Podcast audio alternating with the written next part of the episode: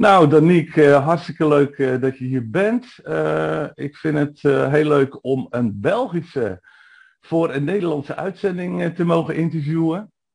Dus ik wil jou graag een paar vragen stellen. misschien wil je gewoon ons eens laten weten wie jij bent, waar je vandaan komt en wat voor werk je doet.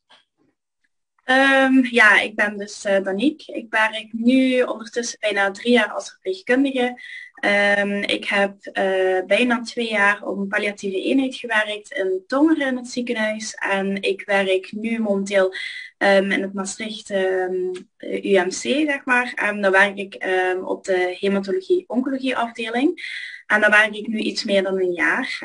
ik ben zelf 26 jaar. Ja, ik vind het ook wel heel fijn om ja, bezig te zijn eigenlijk met mensen die komen te overlijden. Ja, omdat je dan zeg maar die kwaliteit van leven toch wel naar boven kunt halen. Uh, wat ik gewoon heel belangrijk vind. Ja. En zeker in de laatste fase. Ja, ja, en dat doe jij zeer zeker, dat denk ik, ja. Uh, werk je fulltime of werk je parttime? Um, ik heb eigenlijk altijd fulltime gewerkt. Uh, ik ben wel van 38 uur, omdat dat dan fulltime in België was, naar 36 uur fulltime in Nederland gegaan. Maar um, ja, ik werk wel fulltime en ook gewoon alle drie de posten. Ja, oké. En uh, wil je ons misschien ook vertellen waarom je juist voor dit beroep als verpleegkundige hebt gekozen? En misschien omdat je zelf ook aangeeft dat je hart een beetje uitgaat naar palliatieve zorg. En dat je het zo leuk vindt om uh, dat soort patiënten te, of leuk, dat is misschien niet een goed woord natuurlijk, maar dat je het wel interessant vindt juist om voor deze groep mensen te zorgen. Waarom je voor dit beroep hebt gekozen?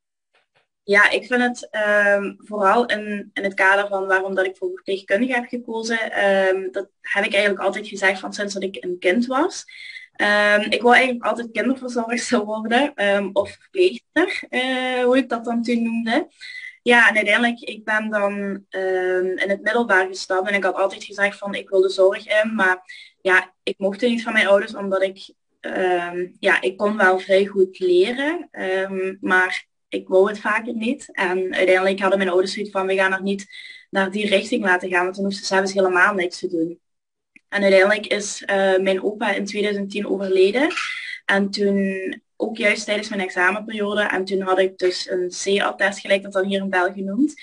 Dus ik moest aan lager van richting gaan en een jaar over doen. En toen ben ik uiteindelijk dan de zorg ingegaan. Um, van daaruit ben ik dan verder gegaan. Ik heb um, als zorgkundige heb ik gewerkt um, in een verzorgingshuis. Dan deed ik ook nog weekendwerk in een winkel.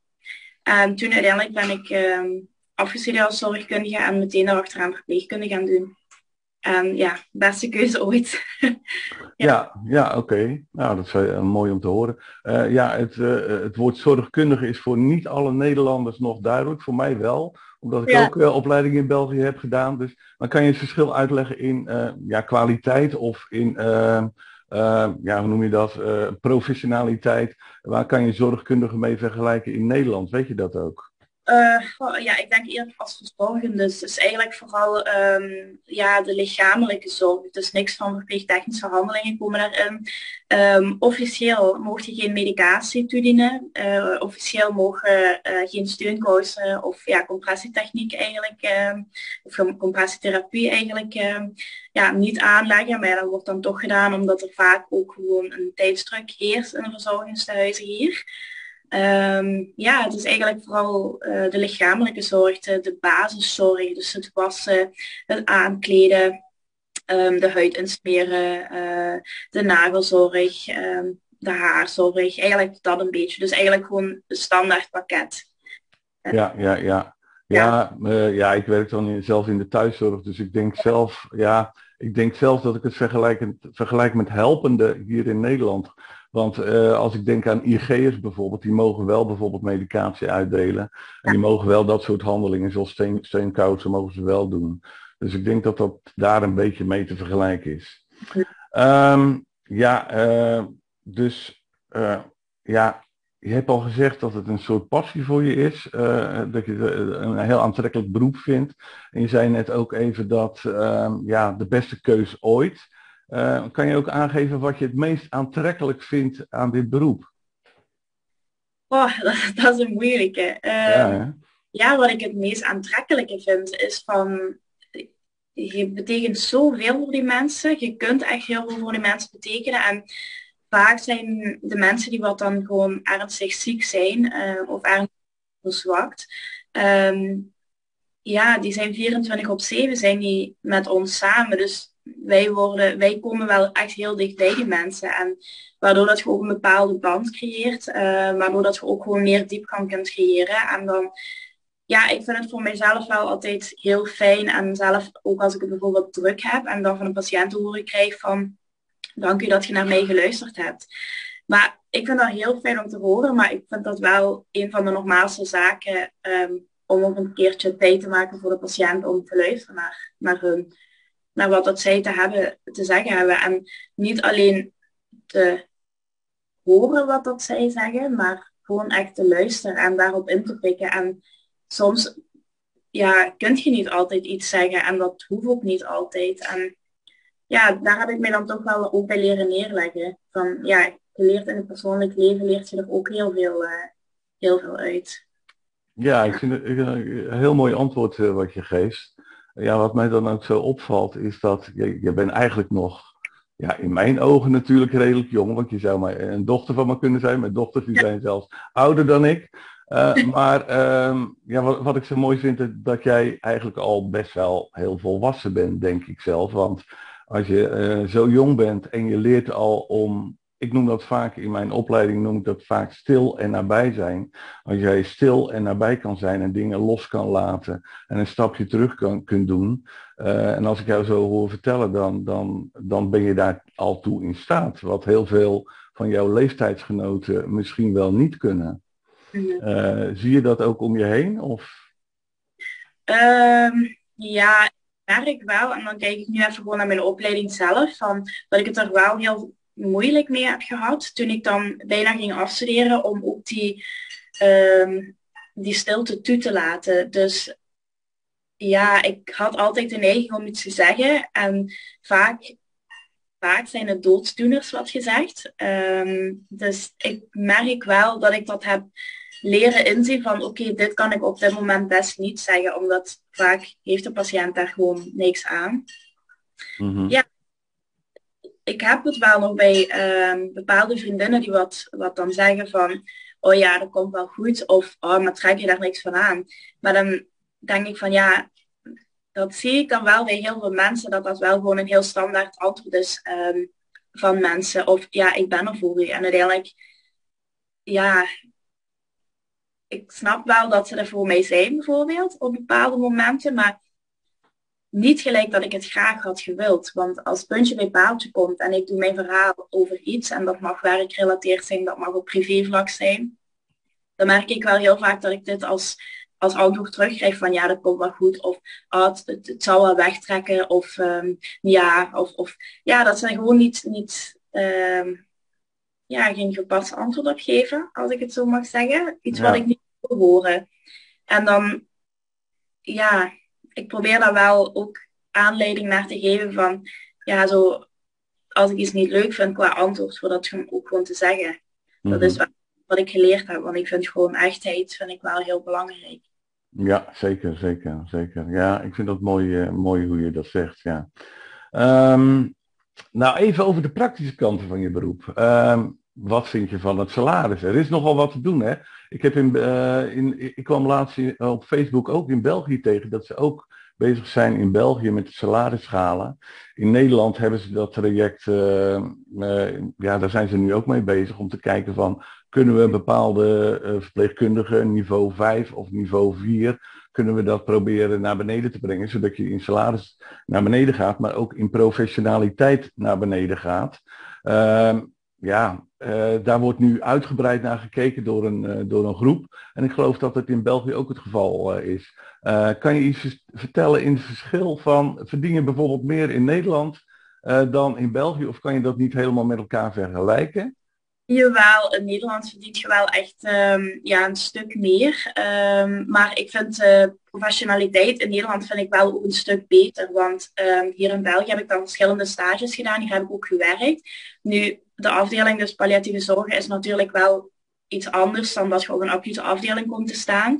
Maar hier in België is het vaak als je, dat heb ik dan gemerkt toen ik bijna afstudeerde, van ja, je bent toch bijna afgestudeerd, dus moet je dat maar kunnen. En in Nederland word je wel getriggerd ehm, in de zin van, ja, je moet weten waarom dat je het doet. En dat vind ik wel een heel belangrijke, want heel vaak wordt gewoon iets gedaan van, uh, ja, ja, omdat het altijd zo wordt gedaan. Omdat dat altijd zo is. Maar dat vind ik wel gewoon een heel verkeerd antwoord. En ja, in Nederland vind ik gewoon, ja, het, wordt beter betaald, dan moet ik wel zeggen. Ja, en het is best wel een groot verschil. Het gaat niet over uh, eh, 200 of 300 euro, maar echt wel eerder de 400, 500 euro wat je meer verdient in Nederland dan in België.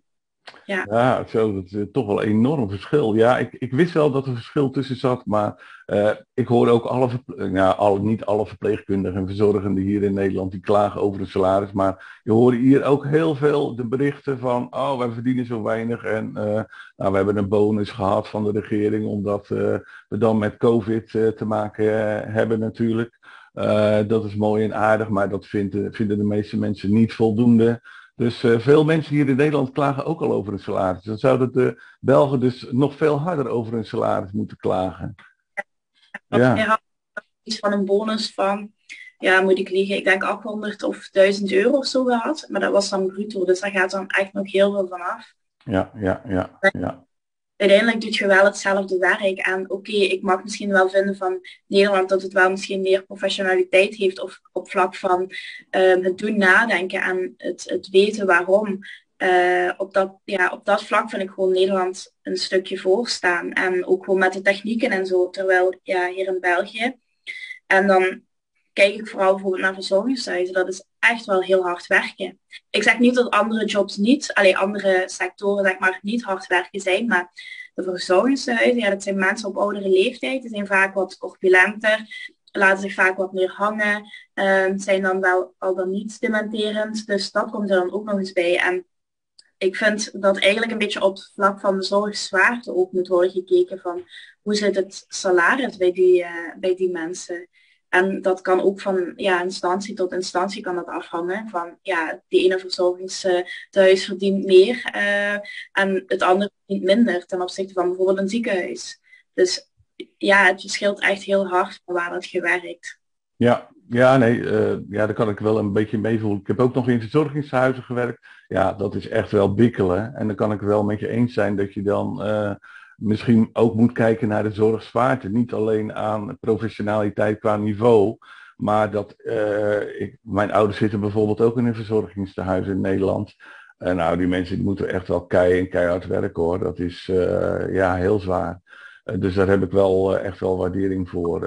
en dan kan je wel alleen kijken zeg maar, naar professionaliteit of naar niveau, HBO opgeleid of niet HBO opgeleid. Uh, ja, zelf vind ik ook dat uh, wel een beetje ondergewaardeerd is dat uh, verzorgenden, hè, zoals ze hier in Nederland dan genoemd worden, verzorgenden, die zijn een beetje ondergewaardeerd. En die zouden veel meer ja, waardering moeten hebben, denk ik zelf. Ja. ja, hier in België. Ja. ja. Heel vaak eigenlijk op neergekeken van, oh ja, dat is toch maar, gelijk dat dan hier moet een zorgkundige. Maar dan denk ik, die mensen die zijn echt super hard nodig. Ik weet hoe dat het is om als zorgkundige te werken. En het was echt wel zwaar. Lichamelijk was het heel zwaar. En zoveel tijdsdruk. Ik, ik weet niet hoeveel mensen dat ik moest wassen op, op anderhalf uur tijd. Of een, of een uur en een kwartier. En ik weet dat ik kan me nog heel goed herinneren dat ik morgens als jobstudent dan op het werk kwam. Want ik telde dan eigenlijk mee als een vaste collega. Dus ik stond niet extra of zo. En toen lag er een briefje voor mij klaar van die patiënt moet worden gewassen, van die kamers tot die kamers. Dan moeten, bij die mensen moeten de, de pantoprazol moet worden uitgedeeld. En bij die mensen moet ik de steunkous aandoen. En, dat, en dan moest ik om kwart na negen of zo klaar zijn. Dus op echt iets meer dan een uur. Ja. Nee, niet menselijk. Ja. Ik vind dat heel schrijnend om, om mensen ik bedoel, ze betalen er potverdikke zoveel geld voor. En ik vind het heel schrijnend om te zien dat die mensen ook gewoon niet de zorg krijgen wat dat ze nodig hebben. Want daar is geen tijd voor. En dan denk ik, waarom is daar geen tijd voor? Dat, ik vind dat heel triest, heel triest. Ja, ja, ik zie een soort verontwaardiging in jouw ogen. Eh, ja. dat, ja, ja, dat komt bij mij komt, komt precies hetzelfde naar boven bij dit soort dingen. Dus uh, ik denk wel dat meer zorgverleners dat herkennen. Uh, maar, maar ja, ja, in Nederland wordt, wordt soms gezegd van nou, we hebben het beste zorgstelsel bijna ter wereld. dan denk ik bij mezelf, hallo, als ik eens alle, alle, alle dingen op een rijtje zet die er allemaal fout gaan, dan zijn dat er nog steeds ontzettend veel. Ja. Ja, en daar kan ik ook verontwaardigd over worden, net zoals jij. Ja. Ehm, misschien even wat persoonlijks ehm, over jou. Je hebt een kat. Ik zag zo, zo, net in het begin zag ik je kat ja. voorbij komen. Wat betekent die kat voor jou in je leven? Ja, Babbel is wel ja, heel belangrijk voor mij, omdat um, ik merk, en dan zeker tijdens de COVID-periode, je kunt nergens naartoe, je zit thuis. En ja, dat is toch wel zo, ja, dat is mijn kind, dat is uh, een beetje een lichtpuntje. Je bent niet alleen thuis. Um, ja, je, je kunt gewoon eens, eens, iets vastpakken. Ik ben dan ja, maar alleenstaand. Dus um, ja, je kunt gewoon eens, ja, ik wou zeggen iemand, maar ja, het is, het is iemand, het is, een, het is een dier, maar ja, je kunt daar gewoon ja, het vastpakken en ja, je bent niet alleen thuis, je komt niet alleen thuis, um, er is altijd leven in huis. Uh, ja, dat vind ik wel, ja, ik, ik, hou, ik hou heel erg van dieren en ik heb zoiets van, als je niet van dieren kunt houden, dan kun je ook niet van mensen houden. -hmm. Ja, ja, ja, zeker. Ja, uh, katten zijn zo lekker knuffelig. Hè? Ik doe dat ook hoor met mijn katten, lekker knuffelen. Uh, sinds kort komt, uh, wat ik vertelde voor, voor de uitzending, vertelde ik eventjes over mijn twee, ik heb één kat en één poes, die ruzie met elkaar hebben. Nou, we hebben in het begin hebben we tegen elkaar gezegd, mijn vrouw en ik, van nou, hij komt in elk geval niet op onze slaapkamer. Maar nu komt hij dus op onze slaapkamer omdat hij zo'n enorme territoriumdrang heeft. Dat we dachten, ach, dat is zo zielig voor die kat. In de woonkamer kan hij eigenlijk niet meer zijn, want dan wordt hij helemaal gestrest.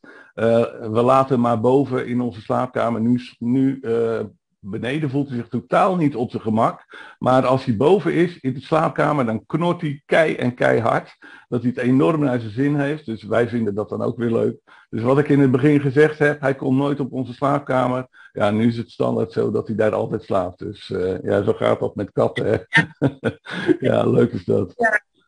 Uh, ik, ik zat ook even op jouw um, Facebook-pagina te kijken, want ik, uh, ik ben dan toch wel benieuwd wie is Daniek. En ik heb dan samen met jou een opleiding gedaan, dus ik kende je al een klein beetje, dus dat was ook wel erg leuk.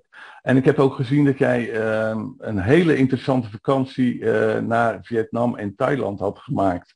En ik weet nog dat we daar met elkaar over aan het praten waren. En dat je zei van ja, ik ga in eentje ga ik, ga ik backpacking doen. En wauw, helemaal enthousiast was jij. En je zag het helemaal zitten. En je ouders waren een beetje terughoudend, geloof ik. Ja. Ik weet nog dat je daarover gesproken had. En uh, dat ik ook een beetje vaderlijk, uh, vaderlijk je toesprak. Ja, je moet ook wel oppassen uh, met, met wat je daar doet. Dus let, let wel goed op. Ga het vooral doen. Maar ehm, kan je daar iets, iets over vertellen wat dat voor jou betekend heeft? Want, want ik merkte wel toen, toen je daarover aan het praten was, dat dat voor jou enorm belangrijk was om die stap te zetten. Um, goh, wat ik eigenlijk gemerkt heb, dus ik ben iemand wat vrij um, impulsieve keuzes kan maken en beslissingen kan nemen. Um, ik was er wel al langer over aan nadenken om in eerste instantie alleen te gaan. zeker ja, eigenlijk na mijn relatie, uh, dus ik ben met mijn toenmalige vriend ben ik uh, een reis gaan maken naar Thailand. Dat heeft mij toch wel geprikkeld in de zin van oh ja, dit is, wel echt uh, heel chic, dit wil ik wel meer doen, uh, het reizen dan. En zeker zo, ja, de cultuur en zo, en de mensen die wat je daar leert kennen. Uh, nu, ik moet wel zeggen, het is echt wel heel van het ene uiterste naar het andere, van wat dat ik met hem deed en wat dat ik alleen heb gedaan. Um, ik merkte van dat ik met mijn toenmalige vriend, dat ik daar heel veel um, ja, verschillen had. wat betreft um, interesses, wat betreft bijvoorbeeld het op stap gaan. Uh, en nu had ik zoiets van, ja, ik, ik zei toen in eerste instantie van, ja, maar waarom gaan mensen alleen op vakantie? Dan zijn je toch eenzaam.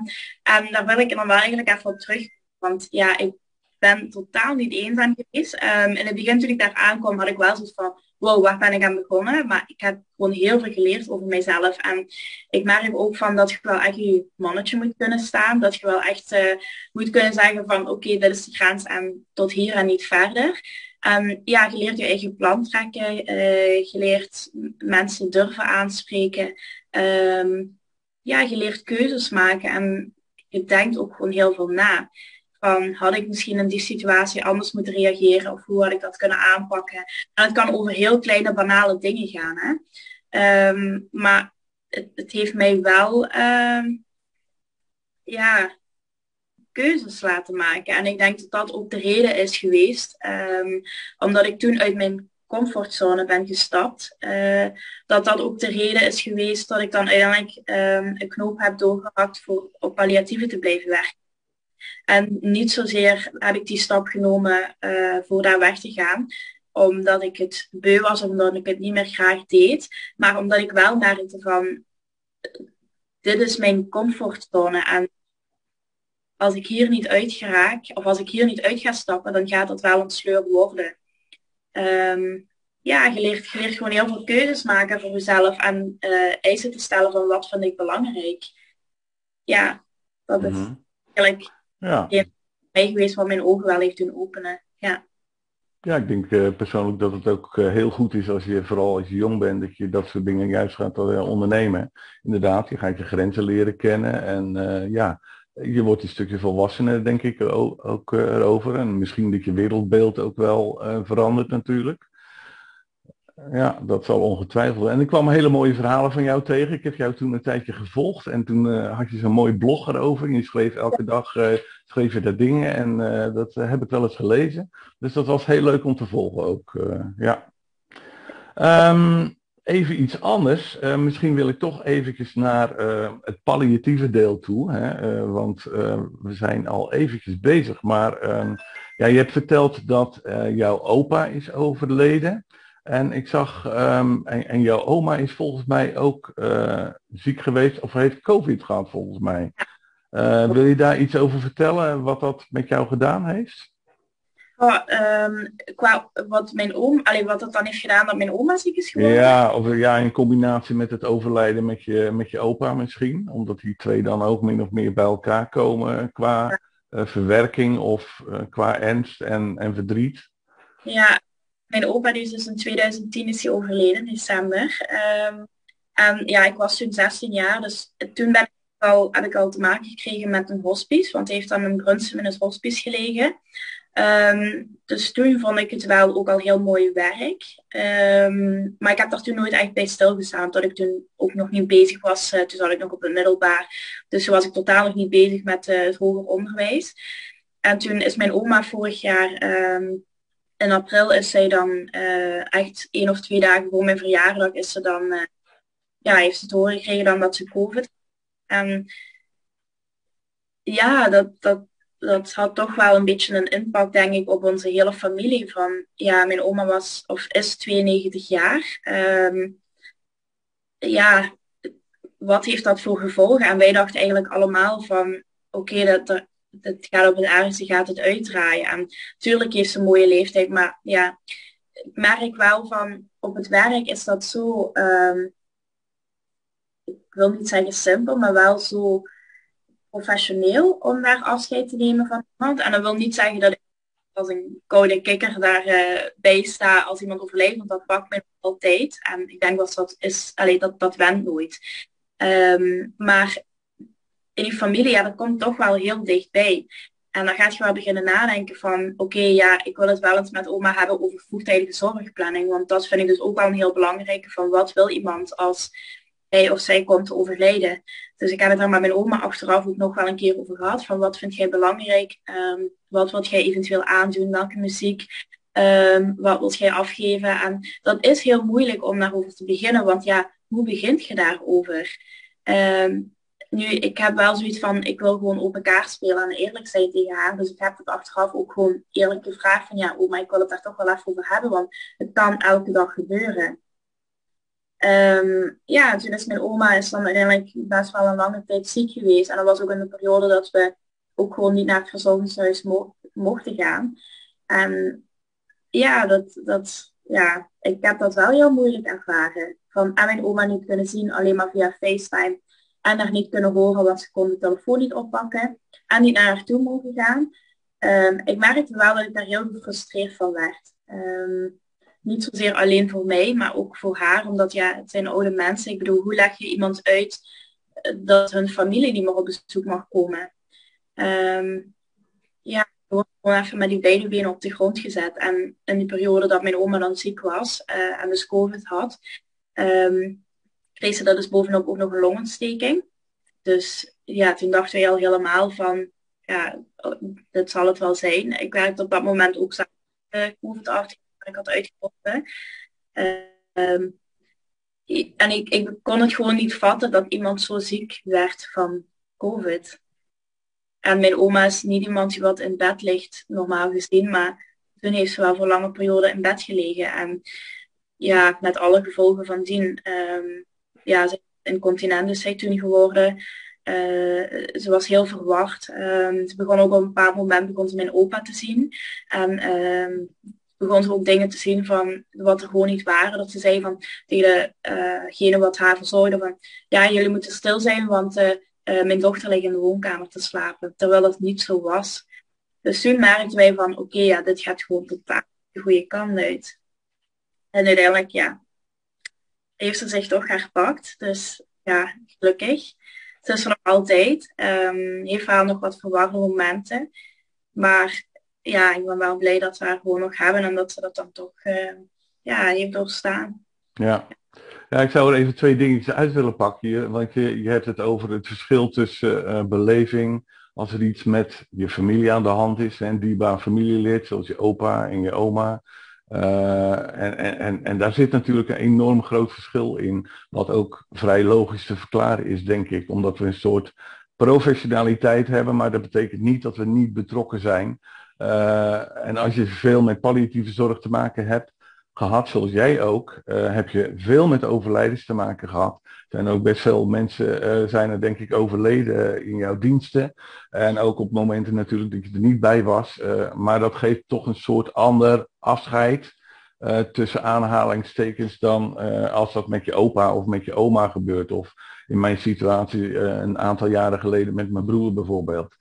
ik heb dat ook ervaren dat, dat ja, emotioneel is dat zoveel anders, dat kan je ook niet met elkaar vergelijken. Het is ook maar goed dat we dan ietsje meer afstand hebben. Uh, maar dat betekent misschien ook wel dat we misschien juist goed nabij kunnen zijn en misschien juist ook wel goed uh, juist voor die patiënten uh, kunnen zijn. En als je emotioneel zo diep in zit, dan ja, heeft dat misschien ook weer andere nadelen. Dus dat was wel mooi dat je dat even aangaf. En ehm, ja, het is gelukkig dat je oma er weer goed is uitgekomen in elk geval. Dus ja. dat is heel mooi. Ja. Uh, kan jij ook een, voorbeeld noemen? Want ik, uh, ja, we, willen het ook even, we hebben het al even over palliatieve zorg, of we hadden het net even over uh, het aantal sterfgevallen wat je hebt meegemaakt. Dat zijn er vele geweest, denk ik, bij jou toen je op de palliatieve unit werkte. Hè? Ja, ja.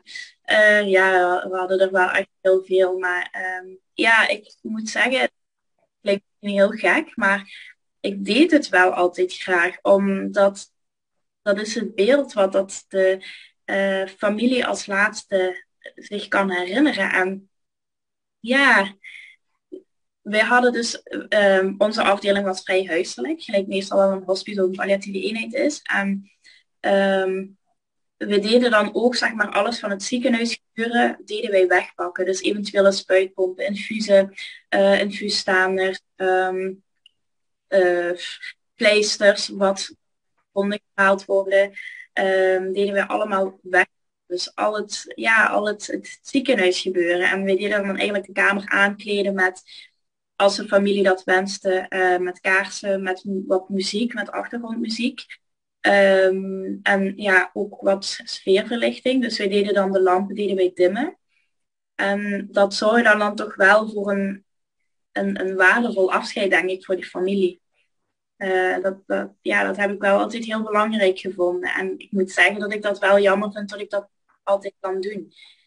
Uh, ja, dat, ja. Uh, ja. Ja, want dat, dat kan je op je, de hematologie, oncologie, uh, ja, is dat niet mogelijk, denk ik. Ja, en ik, ik, ik snap helemaal wat je bedoelt. Ik werk zelf in een thuissetting. Dus in een thuissetting is het ook heel belangrijk, vind ik zelf dan, als iemand is overleden, dat je echt rust in de situatie kan brengen. En ja, dat mensen op een rustige manier afscheid kunnen nemen. Ehm, ik kan ook situaties voor de geest halen dat er bijvoorbeeld eh, bij mij dan patiënten waren zeggen, oh dan moeten we snel de dokter bellen, nu moet het snel allemaal geregeld. Nee, er moet helemaal niks snel geregeld worden. We kunnen gewoon nu de rust nemen en de tijd nemen om, om afscheid te nemen. En dingen zoals een muziek of een kaarsje en zo, dat kan er wel enorm bijdragen ook aan de rouwverwerking, eh, denk ik zelf. Dus dat is wel mooi. Uh, kan jij ook een, uh, een voorbeeld noemen van een palliatieve patiënt die je nog enorm is bijgebleven? Uh, misschien uh, ja, op basis van. Ja, want veel mensen denken als we het over palliatieve zorg hebben, denken dat daar geen humor bij komt kijken. Maar ook zelfs in palliatieve zorg hebben we soms enorm veel humor. Hè? En ja kan je bijvoorbeeld, of, of, of misschien een voorbeeld van waarvan je denkt, ja, dat is een voorbeeld, dat blijft me nou altijd bij. Ik heb dat soort voorbeelden wel in mijn hoofd zitten hoor. Ja, ik heb er heel veel. Um, ik, kan, ik moet nu even meteen spontaan denken. Um, we hadden een nu, ik kan natuurlijk niet heel veel details uh, gaan vertellen daarover. Maar het was een patiënt wat um, voor euthanasie uh, ging kiezen. En ja, het, het was eigenlijk een beetje lachen hier brullen met die patiënt. Um, ja, ik, moest wel lachen omdat um, mijn naam Danique is best wel voor sommige mensen moeilijk te onthouden. En uh, ik werd altijd Danina genoemd. Uh, dus dat was al iets super grappigs. En ja, ook gewoon van als je daar binnenkwam, dan was iemand die wel altijd goed lachs was. Um, en dan ik weet dat hij parfum gebruikte uh, van Sauvage. van, uh, wat is dat, Dior denk ik of zo. En um, ik deed, wij deden dus altijd zo met ons tweeën dan de ochtendzorg, want dat wordt dan gedaan op een palliatieve eenheid voor gewoon de comfort. En ja, dat de mensen gewoon, ja, ja gewoon los eh, kunnen laten wat dat ze willen, zeg maar. Ik bedoel, dan hoeven ze geen inspanning of zo te verrichten. En zeker bij mensen die wat kort aan zijn, is dat wel fijn. Um, en ik weet dat we die patiënt altijd met een tiller in uh, de stoel moesten zetten, um, voor te ontbijten dan. En uh, ja, hij had nu meer uh, heel veel haartjes, maar dan deden we die wat hij had dan toch kammen. En uiteindelijk ehm, ja, begon hij al te vragen naar de parfum voor die op te spuiten. En toen zei ik, ja, ik zeg eerst even alles in orde maken. Ik zeg, en dan laatste puntjes op de i. Maar ja, dat was gewoon iemand waar dat je dan gewoon heel veel mee kon lachen. En uiteindelijk toen ik daar... Um, toen ik wist dan dat hij de dag daarna uh, euthanasie ging, ging krijgen, uh, ben ik de dag ervoor, omdat ik toen een ochtenddienst had en de dag daarna dan een avonddienst. En omdat ik wist dat ik die niet meer terug ging zien, ben ik daar dus die dag afscheid van gaan nemen. En ja, ik heb op dat bed gezeten en ik, zei al tegen hem van ja, ik vind het heel fijn dat ik je heb leren kennen. En met dat ik dat zei, begon ik dus ook gewoon te huilen. Dus ja, toch raak je dat op de een of andere manier best wel. Ehm, ik kan echt honderden situaties zo opnoemen. En ja, sommige, sommige mensen blijven gewoon bij. En ik kan me perfect nog met naam en camera herinneren waar dat mensen hebben gelegen. En, en hoe dat die eruit zagen. En uh, ik durf ook wel mensen aan te spreken, want ik woon hier dan zelf ook in Tongeren. Dus ik ken ook wel af en toe mensen wat ik tegenkom in de supermarkt van een palliatieve. En dan durf ik hun ook wel over aan te spreken van, uh, goh, mag ik eens iets vragen? Zijt je niet de familie van die of die patiënt? Want je komt mij heel bekend voor. Um, ja, en uiteindelijk blijkt dat dus, allee, ik vraag dan natuurlijk wel als ik er zeker van ben, uh, omdat je dan ook met beroepsgeheim zit, dat je dat niet zomaar kunt vragen. Maar ja, ik kan echt zo honderd situaties uh, opnoemen waarvan je ja, toch ja, uiteindelijk kunt lachen. Ik weet dat ik met nieuwjaar, uh, mijn allereerste nieuwjaar, dat ik uh, als verpleegkundige werkte, dat ik toen nachtdienst had. En uh, ik had gezorgd, dus op mijn eigen kosten gewoon, had ik wat chips gehaald en wat uh, kiddieboel. En voor degene dus die wat, ehm, ja, want in België staat je dus ook maar alleen in een, ja, op het ziekenhuis, zeg maar, in een hospice. En uh, ik weet dat ik toen mijn eerste nachtdienst had. En uh, ja, het was nieuwjaar, dus de mensen die wouden, sommigen wouden kijken naar het vuurwerk, sommigen niet. Dus die mensen heb ik dan ook uiteindelijk opgehaald uh, met een rolstoel. heb ik ze dan voor het raam gezet, dat ze dus ook het vuurwerk konden zien. En toen heb ik die dus een vaasje bubbels en wat chips aangeboden. En ik vond het wel heel leuk om de dag erna te horen te krijgen van, uh, ja, die, uh, die nachtzuster, uh, chapeau daarvoor. Want het is echt heel fijn dat ze van ons toch nog die bubbels heeft aangeboden en zo. En we vonden het heel leuk initiatief en zo. En dan denk ik van, ja, dat zijn de kleine dingen waar dat je voor doet. En voor mij is het niet fijn om te werken bij het nieuwjaar, maar voor die mensen is het wel hun laatste nieuwjaar wat ze ook niet thuis kunnen zijn. Ja, dus precies. Heel belangrijk. Ja, precies. Het laatste nieuwjaar. Uh, ja, dat is natuurlijk super belangrijk. Uh, ja, en uh, ja, dat je emotioneel wordt. er wordt ook wel eens gezegd, ehm, ik kom dat ook wel eens tegen. ja, ehm, je moet wel je professionaliteit bewaren. Nee ik ken ook wel die momenten dat bij mij de tranen over de, over de wangen biggelden. Uh, maar dat zijn dan uh, vaak, zoals jij het zelf ook omschrijft, zijn dat vaak het soort patiënten waar je dan toch een, misschien een wat meer klik mee hebt of meer verbinding mee hebt op een of andere manier. En er zijn ook andere situaties die ik me wel voor de geest kan halen. maar waar, waar je dan toch, mm, ja bij mij waren het vooral, moet ik zeggen, ook patiënten zeg maar waar ik eh, waar heel veel empathie was, ook richting de patiënt. Als de familie die eromheen staan, die zelf ook heel empathisch waren, heel zorgzaam en heel meelevend waren. Ja, daar kwamen bij de familie kwam dan al enorm veel emotie uh, naar boven. Bij de patiënt kwam dan ook vaak uh, veel emotie naar boven. En dan vervolgens kwam het bij mij ook naar boven. Uh, ja, dan, dan is het denk ik ook professioneel zelfs om je tranen misschien wel gewoon te durven laten zien. In plaats van maar te zeggen van nou ja, dat mag niet, want je moet professioneel zijn. Dus dat snap ik ook helemaal. Ja, ja ik, nog mensen en we zijn met mensen bezig. We zijn geen robots wat onze gevoelens of emoties kunnen uitschakelen. Helaas. En soms denk ik ook van, en dat ik probeer, ik moet wel zeggen, ik probeer dat wel in te houden. Maar soms zien mensen ook dat je ogen hebt. En ja, situaties blijven gewoon bij en, en raken nu gewoon enorm. Als, als een familie heel heftig op een overlijden reageert, ja, ik bedoel, het, het zou heel verkeerd zijn als je daar gewoon um, cool langs het bed zou staan en dat niks met u zou doen. Want dan heb je gewoon voor het verkeerde beroep gekozen als u dat niks doet. En ongeacht of je op een hospice, in een hospice werkt of een verzorgingshuis of weet ik veel maar als een overlijden u niks doet, dan, dan denk ik dat je gewoon voor een ander beroep moet gaan. Ja, precies. Helemaal mee eens hoor, eh, Daniek. Ja, zeker. Ja. Um, ik zag nog één ding op uh, iets interessants op Facebook. Jij bent uh, enorm aan het afvallen volgens mij. ja, ja, ja, ik ben uh, klopt, maar ik zag ook één andere, ander dingetje zag ik op Facebook. Ik zag van jou een quote. Life is more than sitting in your jeans. Ja, Ehm, ja, um, voor mijzelf. Ik heb altijd gehad van, inderdaad, ja, life is more than fitting in your jeans. Maar um, ik doe het voor mijzelf, omdat ik merk van, ik wil eens kijken voor mijzelf van welke discipline heb ik. Uh, ik wil tot het uiterste gaan en hoe ver kan ik gaan. Dat vind ik wel, ja, ik, ja, het, het Kijk, een jeans kun je altijd op maat kopen. Um, ik bedoel, daar kun je een uitbreiden qua maten. Um, maar ik vind het wel gewoon voor mijzelf heel belangrijk om mij goed te voelen in mijn vel. En ik heb vorige zomer heb ik een knoop doorgehakt, omdat ik mij gewoon niet meer goed voelde in mijn vel. En ja, je gaat naar het zwembad en je ziet daar vrouwen lopen die wat zo zijn. En dan denk ik in mijn eigen van, oh, dat wil ik ook. Maar ja, dat, dat kun je willen, maar... Um, ja, je gaat dat niet uh, krijgen door niks te doen. Dus ik ben uiteindelijk ben ik wel gewoon meer op mijn voeding gaan letten. Ook gewoon gezonder eten. Um, en gewoon heel veel dingen uitproberen. In plaats van gewoon de standaard routine uh, wat je eet per week.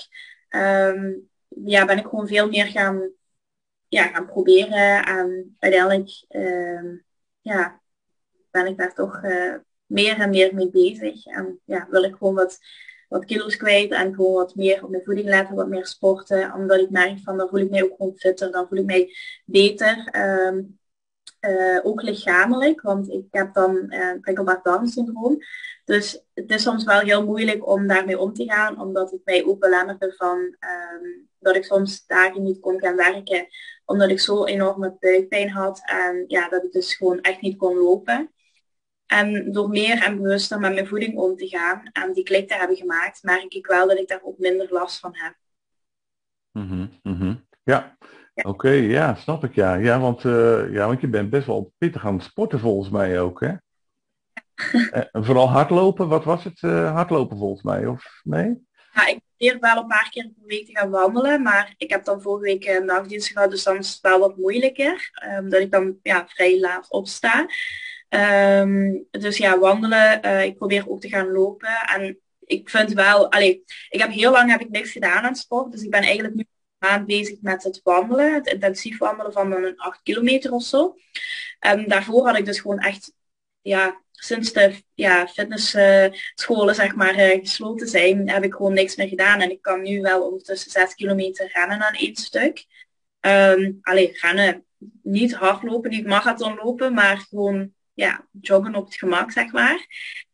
Um, ja, dat doe ik. En dan ook wel krachttraining. Dus um, voor gewoon meer spieropbouw. Um, ja, want die wil ik uiteindelijk toch wel hebben. Ja, ja. Uh, welk uh, model te worden van, uh, van fitness of zo. Dat absoluut niet. Maar ja, ik wil mij wel gewoon eens een keer goed in mijn vel voelen van oké, okay, ja, ik, ik, voel mij goed en ik zie er beter uit dan vorig jaar. Dus ja. ja. Nee, ik snap het helemaal hoor, want uh, ik, ik heb ook, ja, je hebt soms ook van, ik, ik kan er misschien over praten ja, als ouder. Ik ben 60 plus. Uh, je hebt van die fases in je leven. Ik weet niet, uh, ik zeg niet dat dit een fase is in jouw leven of zo, maar ik heb ook al een, ik heb in, in het verleden nogal behoorlijk last gehad van depressies. Mhm. En op een gegeven moment ben ik ook gaan sporten. En ben ik dat best wel fanatiek gaan doen. Uh, dan ging ik uh, bijvoorbeeld drie of vier keer in de week ging naar de sportschool uh, om, om, om te trainen, te, te spinnen en veel met gewichten aan de slag. En nu zit ik in een fase dat ik helemaal niks doe. Dat komt vooral omdat ik met een bedrijf bezig ben, wat heel veel tijd opslokt. En ook eigenlijk een bewuste keuze om dat even niet te doen. Maar ik moet zeggen, er zijn ook wel een paar corona-kilootjes bijgekomen. Dus misschien uh, uh, moet ik ook weer gaan denken van om langzamerhand weer wat op te pikken. Dus het is wel heel verstandig om, om, uh, om daarmee aan de slag te gaan natuurlijk. En als je zeker als je er beter door in je vel voelt zitten, dan is dat alleen maar mooi en is dat pure winst, denk ik. Ja, ja. ja. Maar ik ook wel, als ik dan bijvoorbeeld een drukke avonddienst heb gehad, maar ja, nu is het dan de avondklok, maar ik zou er niet vies van zijn om dan na een drukke avond niet nog een keer uh, een paar kilometer te gaan lopen. Omdat ik merk van, ik kan toch niet slapen, er zit toch nog te veel adrenaline op mij. En om dat dan zo even kwijt te geraken, ja, dat zou ik wel goed doen. Ja, ja. Oké, okay, Daniek, als laatste uh, misschien even het verschil, want uh, ja, je werkt nu op hematologie-oncologie in het UMC in Maastricht. Um, ja, wat, wat uh, kan, kan je iets zeggen over die verschillen? Want het is een enorm verschil tussen op palliatieve zorgen werken en hematologie, oncologie. Een academisch ziekenhuis, natuurlijk wat hoog gespecialiseerd is. Hoog gespecialiseerde zorg. Dus dan moet je ook best wel veel uh, ja, uh, ingewikkelde handelingen misschien wel doen. Kan je daar iets over vertellen? qua ingewikkelde handelingen handelingen, ja, we hebben bepaalde dingen wat dat we hier op de op palliatieve dan niet zagen. Gelijk uh, centrale lijnen en zo kwamen eigenlijk nauwelijks. Um, een portaket kwam wel geregeld voor, eigenlijk zelfs op palliatieve meer dan waar dat ik nu werk. Um, ja, het is gewoon een, een heel verschil. Uh, sowieso België, Nederland, uh, de mentaliteit, um, de complexiteit, dat is wel echt een enorm verschil. Want hier op palliatieve waren het wel eens acute situaties in de zin van, um, ja, in de zin van iemand die wat heel onrustig was of wat acute pijn had waar dat je meteen moest inspringen. Um, kregen de mensen ook een veel hogere dosis vaker morfine um, of fentanyl of zo. Uh, omdat het daar alleen echt specifiek gericht was op de kwaliteit van het leven. En ik moest lachen en dat is mij gewoon ook bijgebleven. Toen ik dan vorig jaar begon uh, op hematologie-oncologie, toen uh, kreeg ik te horen van een collega, die zei dat dan tegen een arts of tegen een andere collega, van ja, die patiënt die krijgt uh, veel fentanyl. Dus die had dan een, een pleister van 25 microgram. En ik viel echt achteruit. Ik zeg, is dat veel. We hadden mensen met gewoon 600 milligram IV, gewoon puur wat dat we moesten geven, omdat ze gewoon nog niet pijnvrij waren. Ja. ja, ik ben, misschien ben ik daar wel heel los in, maar ik ben wel iemand van pijn is ja, patiënt zegt dat het is. En ik vind dat wel een heel belangrijk om dat zo comfortabel mogelijk te maken. Als iemand wij van spreken zes keer een um, fentanyl uh, nodig heeft op tijd van twee uur, dan denk ik ja oké, en dan is het wel tijd om met arts overleggen. En heel vaak merk ik wel van um, de palliatieve en waar ik, dat ik dan nu werk, hematologie, oncologie, dat er wel echt een heel verschil is qua staand orders. Um, op palliatieve zeg je alleen maar met die kwaliteit bezig. En bij ons komt dat af en toe eens voor. Dus dat de reactie van hoe dat een arts daarop reageert en wat als wij moeten doen um, indien er iets voorvalt, is wel heel verschillend.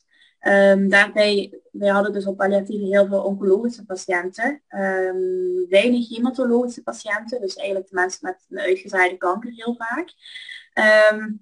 En daar ja, waren dus gewoon ja, de producten gebruikt bijvoorbeeld wat dat iemand graag rookt, gelijk rituals, um, doof, wat is het, Xanax, uh, noem maar op.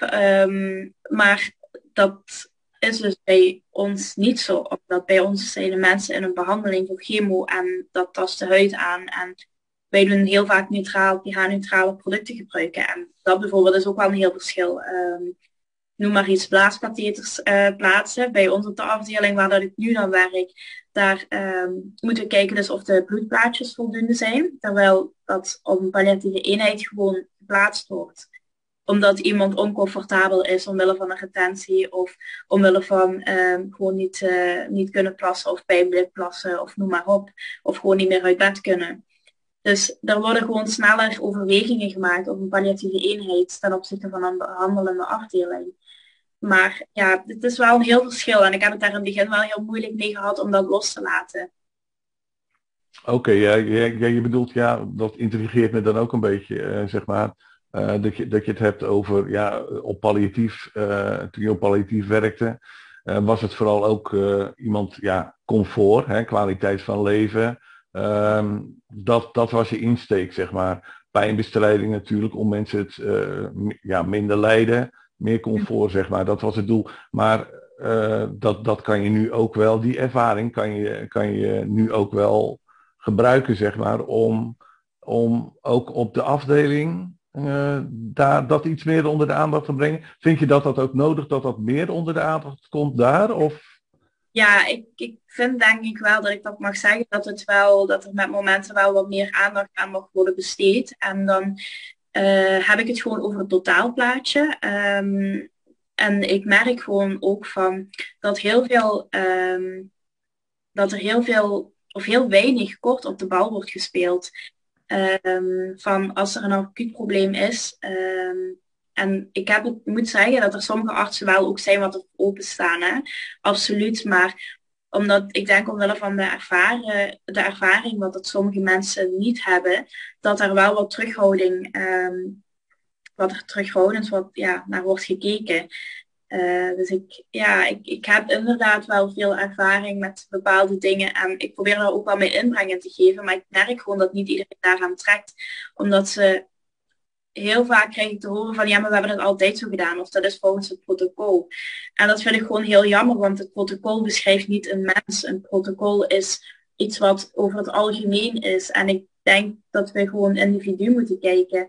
Um, of qua individu van die persoon heb ik voor mij liggen, daar is dat probleem bij. En dat vind ik gewoon heel belangrijk. -hmm. Ja, nou ja, ik, uh, ja, het is een interessant gesprek hierover, want uh, ja, ik denk dat in België is het denk ik hetzelfde, maar hier in Nederland hebben we het heel vaak over persoonsgerichte zorg. De patiënt moet in het middelpunt van de belangstelling staan, moet het uitgangspunt van onze zorg zijn. Wat zijn uh, de behoeften, wat zijn de verwachtingen, wat zijn de wensen van de patiënt? Als we daarbij kunnen aansluiten, dan kunnen we vaak een hogere kwaliteit van zorg bieden. Bovendien kunnen we bijvoorbeeld uh, overbehandeling, wat ook best wel regelmatig voorkomt, kunnen we voorkomen. Uh, we kunnen bijvoorbeeld ervoor zorgen dat deze patiënt een betere kwaliteit van leven heeft, ondanks zijn chemokuur. En uh, meer aansluiten, daar hebben we het ontzettend veel over. In Nederland uh, hebben we het uh, bijvoorbeeld over gezamenlijke besluitvorming. de patiënt moet eigen regie nemen. dat zijn een aantal, aantal dingen die belangrijk zijn. Um, en als ik jou zo hoor, dan, dan zou dat misschien nog wel iets omhoog bijgesteld kunnen worden. Ja, ik, allee, ik bedoel, we doen het zeker niet slecht als afdeling, hè? absoluut niet. Ik bedoel, ik denk dat, allee, ik vind dat ik over de afdeling waar ik nu werk, dat ik daar echt wel van mag zeggen van, dat het wel echt hoge kwaliteit patiëntenzorg is. En nu omwille van, dus er is wel ook een palliatief uh, groepje, werkgroepje zeg maar, bij ons in op de afdeling. Dus er zijn een paar collega's wat zich daar dan eigenlijk uh, mee bezighouden. Dus die gaan er ook naar een overleg en zo. Maar nu met het hele COVID gebeuren en zo is dat dus allemaal niet doorgegaan. En dan vind ik dat wel jammer natuurlijk. Omdat ik daar, ja, ik zou dat zelf ook wel heel interessant vinden om mij daarbij aan te sluiten. En om dan ook gewoon nog mijn kennis wat meer uit te breiden. Of om een andere kijk daarop te, krijgen. Um, bijvoorbeeld ja, ik kan sommige collega's er wel in vinden als ze zeggen van ja, we doen het niet zo, want uh, dit of dit of dat is de reden. En ik vind het belangrijk dat iemand de reden weet van waarom dat je het wel of waarom dat je het niet zou doen. Ja, mooie zorg wat je levert in elk geval. Dus um, ja, nou, een inkijkje in hematologie, oncologie. Een klein inkijkje natuurlijk, maar er zijn misschien kijkers ook wel die, uh, die werken op verschillende uh, afdelingen, verschillende gebieden, ziekenhuis, hospice, noem maar op. Van alles en nog wat. Dus uh, misschien dat ze hier ook wat aan hebben aan die informatie. Um, dan wil ik het graag hierbij afsluiten, Daniek. Ik heb een laatste vraag voor je. Um, en die vraag die luidt... Um, ja, wat is de super palliatieve tip die, die jij ons kan geven? Uh, stel dat, uh, dat, dat, er, dat er iemand palliatief wordt. Wat, wat, wat zou nou het eerste, allerbelangrijkste zijn, advies willen uh, zijn, wat jij uh, iemand zou willen meegeven? Ik wil nog niet zeggen dat iemand helemaal aan het levenseinde is misschien, maar misschien wel bijvoorbeeld kanker heeft, uitbehandeld is, ehm, nou in een traject komt, je kent die situatie. waar denk je dan als eerste aan? Um het, ja, um, lukte dat in eerste instantie. Dat klinkt misschien heel cliché, uh, maar dat vind ik wel gewoon een belangrijke voor iedereen, denk ik. Um, gewoon genieten van de momenten die wat je nog hebt. Uh, genieten van de mensen rondom je. Uh, doe de dingen wat dat je nog kunt doen, die wat je nog wil zeggen. En dat zeggen wij ook, of dat zeg ik alleszins nog vaker. Van als iemand in een laatste levensfase zit, van zeg die persoon nog wat dat je wil zeggen. Zeg alles wat dat nog je nou aan het hart ligt, wat dat op je hart ligt en wat dat je gewoon nog kwijt wil. Um, want nu kan dat nog. Um, en ik denk gewoon, um, palliatieve zorg is niet alleen maar doen, maar ook vooral laten. Iemand in zijn eigen waarde laten. Als die persoon dit altijd heeft gedaan of altijd droeg of altijd die bepaalde geur op zich had, dan gebruikt die ook. Um, kijk naar wie dat die persoon is. Ja. ja. zeker. Nou, super waardevolle tips, uh, denk ik, uh, Danique. Want uh, ja, je bent weliswaar 26, maar ik heb het idee dat ik met een super volwassene gesproken heb. Wat je ook, ook bent natuurlijk als 26-jarige, maar dus je geeft hier ons ook uh, echt waardevolle dingen in mee die heel erg belangrijk zijn. Uh, praat over het levenseinde, genieten van je dag. Het zijn simpele dingen. Soms zijn het de simpele dingen die het leven meest waardevol kunnen maken. Ik wil je heel hartelijk bedanken voor het interview, Daniek. En heel erg bedankt voor je openheid en voor je bijdrage. En ik ga het filmpje op internet zetten. En dan uh, gaan we daar met z'n allen van genieten. Dankjewel, Daniek. Ja, tot, tot ziens.